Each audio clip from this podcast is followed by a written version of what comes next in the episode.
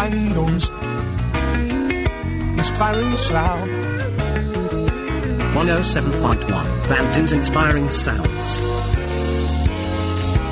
K-Life FM.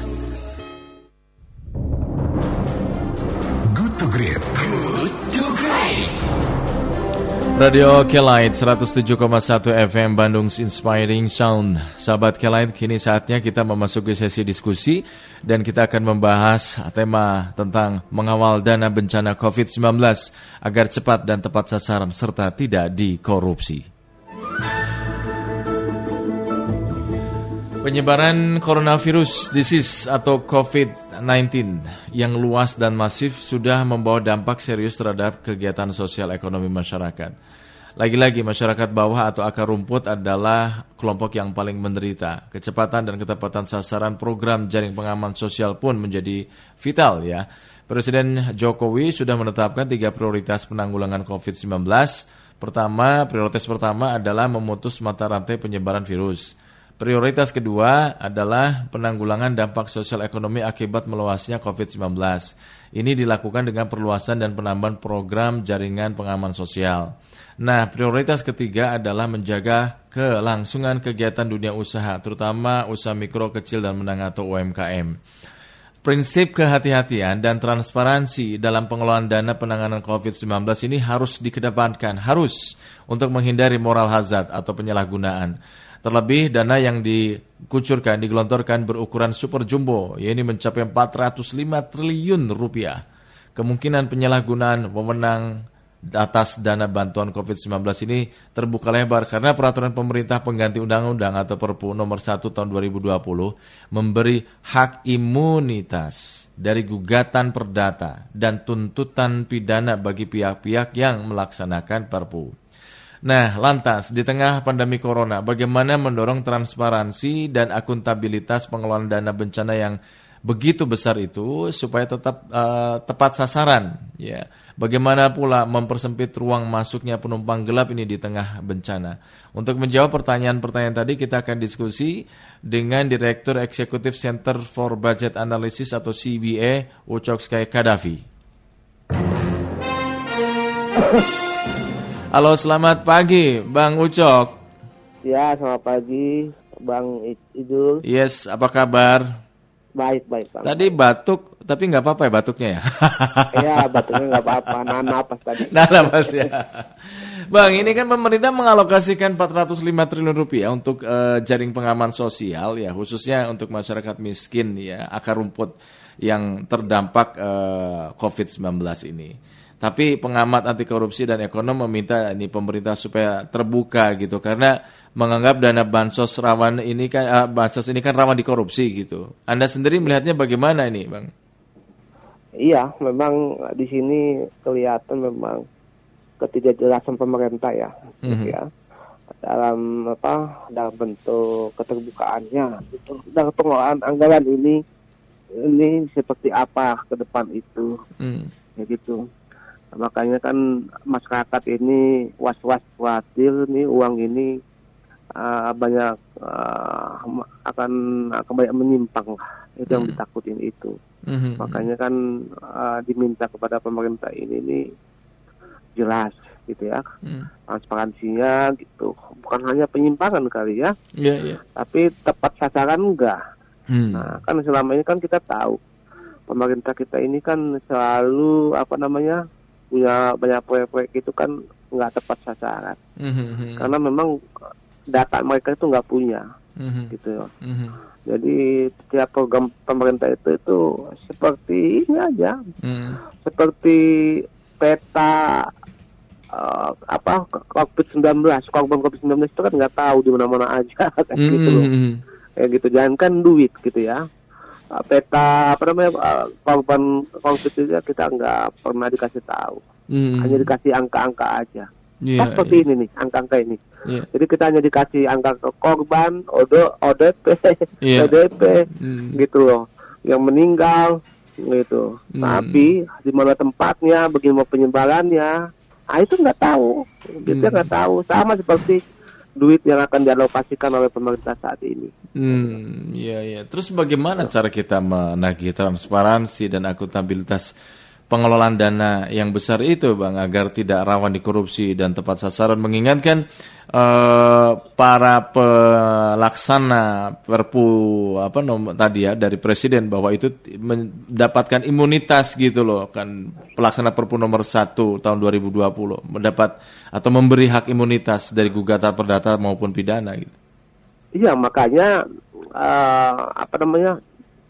Makanya pemerintah itu karena takut digugat mereka oleh masyarakat gitu hmm. ya ya mereka uh, bikin apa namanya imunitas tersebut hmm. kayak gitu makanya ini memang betul beberapa masyarakat melakukan gugatan terhadap perpu ini hmm. kayak gitu ya hmm. gitu loh karena mungkin dengan imunitas ini nanti apa pun yang terjadi apakah ada penyimpangan atau ada penyelewengan ada korupsinya hmm. kayak gitu hmm. pemerintah nggak bisa disalahkan kayak gitu yeah, mereka yeah. punya payung hukum ya mm-hmm. kayak gitu jadi mereka uh, payung hukum ini melindungi untuk supaya ada penyimpangan gitu mm-hmm. makanya kita mendorong mendorong uh, keterbukaan transparansi gitu kan mm-hmm. uh, mereka membuat payung hukum mm-hmm. supaya uh, kalau terjadi apa-apa mereka tenang-tenang aja biarpun besok misalnya ada kerugian negara sekian triliunan yeah apa setengah dari itu gitu ya hmm.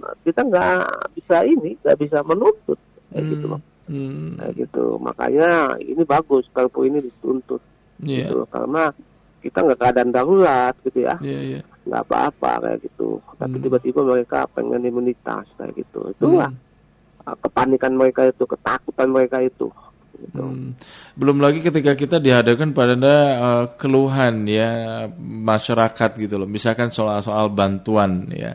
Ketika bicara soal bantuan uh, tidak bicara tidak cuma bicara soal data saja, tetapi jumlah bantuan misalkan dalam satu kelurahan ya atau dalam satu RW itu tidak secara keseluruhan serempak dibagikan misalkan ada 200 kakak yang dibagikan hanya 100-nya saja karena konon katanya bertahap.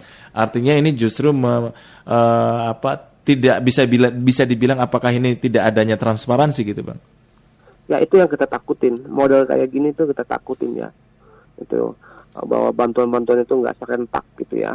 Hmm. Tapi uh, uh, bisa bertahap atau bisa juga nggak ada tahapan yang berikutnya mm-hmm. kayak gitu uh, yang kayak gini tuh uh, yang kita takutnya bentuk, uh, model gitu ya modus ini sebuah, sebuah modus kayaknya mm. sebuah modus gitu ya kita kasih hari ini oh yang lain besok ya eh besoknya yang lainnya ada janji kan nggak ada mm. padahal dananya udah ada disediakan gitu mm-hmm. nah maka ini bagus kita mendorong supaya pemerintah itu supaya terbuka dalam hal ini kayak mm. gitu loh terbuka dalam ini apalagi apa namanya pendistribusian kayak apa siapa yeah. uh, apa namanya yang berwenang di bawah itu untuk hmm. membagikan mendistribusikan itu itu penting buat masyarakat hmm. kayak gitu. Seberapa mungkin ini masyarakat menagih uh, transparansi dan akuntabilitas pengelolaan dana bukan, bencana? Bukan mungkin soal ini sebetulnya menagih semua kayak hmm. gitu. Tapi hmm. sampai sekarang pemerintah kan nggak ada. Iya yeah, iya. Yeah. Gitu nggak berbuat apa-apa nggak bergeming nggak apa pun gitu kan santai-santai aja. Hmm. Mungkin mereka karena punya komunitas ini gitu kan hmm. mungkin uh, mungkin uh, pemerintah bilang lu mau minta kamu masyarakat mau minta transparansi kayak mau apa kayak yeah, masa yeah. bodoh yang penting kau udah keluarin mm-hmm. perpu ini mm-hmm. mau gua mau buat penyelewengan kayak mau buat uh, penyalahgunaan yang nggak nggak tepat sasaran nggak apa kayak masa iya. bodoh yeah. itu mungkin gitu pemerintah saat mm. ini kalau kita bicara dasolennya ya kan da, ada DPR yang salah satu tugasnya adalah pengawas artinya memang tugas salah satu tugasnya adalah mengawasi tetapi justru desainnya DPR terlihat semakin kompak dan mesra dengan pihak eksekutif, misalkan dengan menyetujui tadi uh, apa hal-hal yang tidak transparan soal Perpu misalkan pengawasannya bagaimana. Anda melihatnya bagaimana ini? Iya, betul. DPR sekarang itu nggak bisa kita harapkan ya sebagai wakil rakyat gitu ya. Hmm. Karena DPR itu udah bagian dari pemerintahan gitu ya. Hmm. Nah, jadi jangan kita harapkan, jangan mengharapkan mereka gitu mereka itu udah bagian dari rejim ini kayak gitu mm. jangankan mm. untuk mengawasi untuk mengkritik apa pun mereka udah nggak sanggup lagi mm. gitu, nggak sanggup gitu loh Makanya jangankan kita minta data untuk ngawasi. Eh, mereka juga DPR juga ada bagian dari sini. Hmm. Lagi rejim ini. Dan mereka menikmati juga saat ini. Gitu. Iya, iya. Dalam waktu beberapa terakhir ini publik dihebohkan kan dengan eh, staf khusus Presiden Andi Taufan Garuda Putra itu yang atas nama pribadi mengirimkan surat ke camat-camat. Kemudian menyusul ada Mas Belfasyah Devara yang juga CEO Ruang Guru karena dianggap konflik of interest. Bagaimana ini Anda melihat? Kenapa hal ini bisa terjadi? Ya itulah uh, dipertontonkan sama kita gitu. Mereka mentang-mentang berkuasa gitu kan. kayak kayak gini Nah, mereka berkuasa mereka mempertontonkan kayak gitu. Jadi mereka mereka ini staf khusus ini ya mengambil kesempatan gitu ya dalam kesempitan atau kesusahan masyarakat saat ini. Hmm, kayak gitu. Itulah ah, itu baru bagian kecil ya. Hmm, bagian kecil dari apa namanya kasus-kasus itu. Kayak kayak sih kalau dibuka itu makin wah. Hmm. aduh kita mungkin uh, bisa ini ya apa namanya muak dengan pemerintah saat ini Hmm. gitu. Itu baru bagian kecil dipertontonkan gitu. Iya, iya. itu apalagi kalau dibuka semua. Aduh. Hmm. kita muak aduh. Nah, ini kita tersinggung. Me- menurut Anda apa yang bisa kita lakukan untuk mempersempit ruang uh, masuknya para quote and quote yang tanda kutip penumpang gelap ini? Mengingat ini kami uh, dari data ICW selama 10 tahun terakhir sedikitnya ada 87 kasus korupsi dana bencana.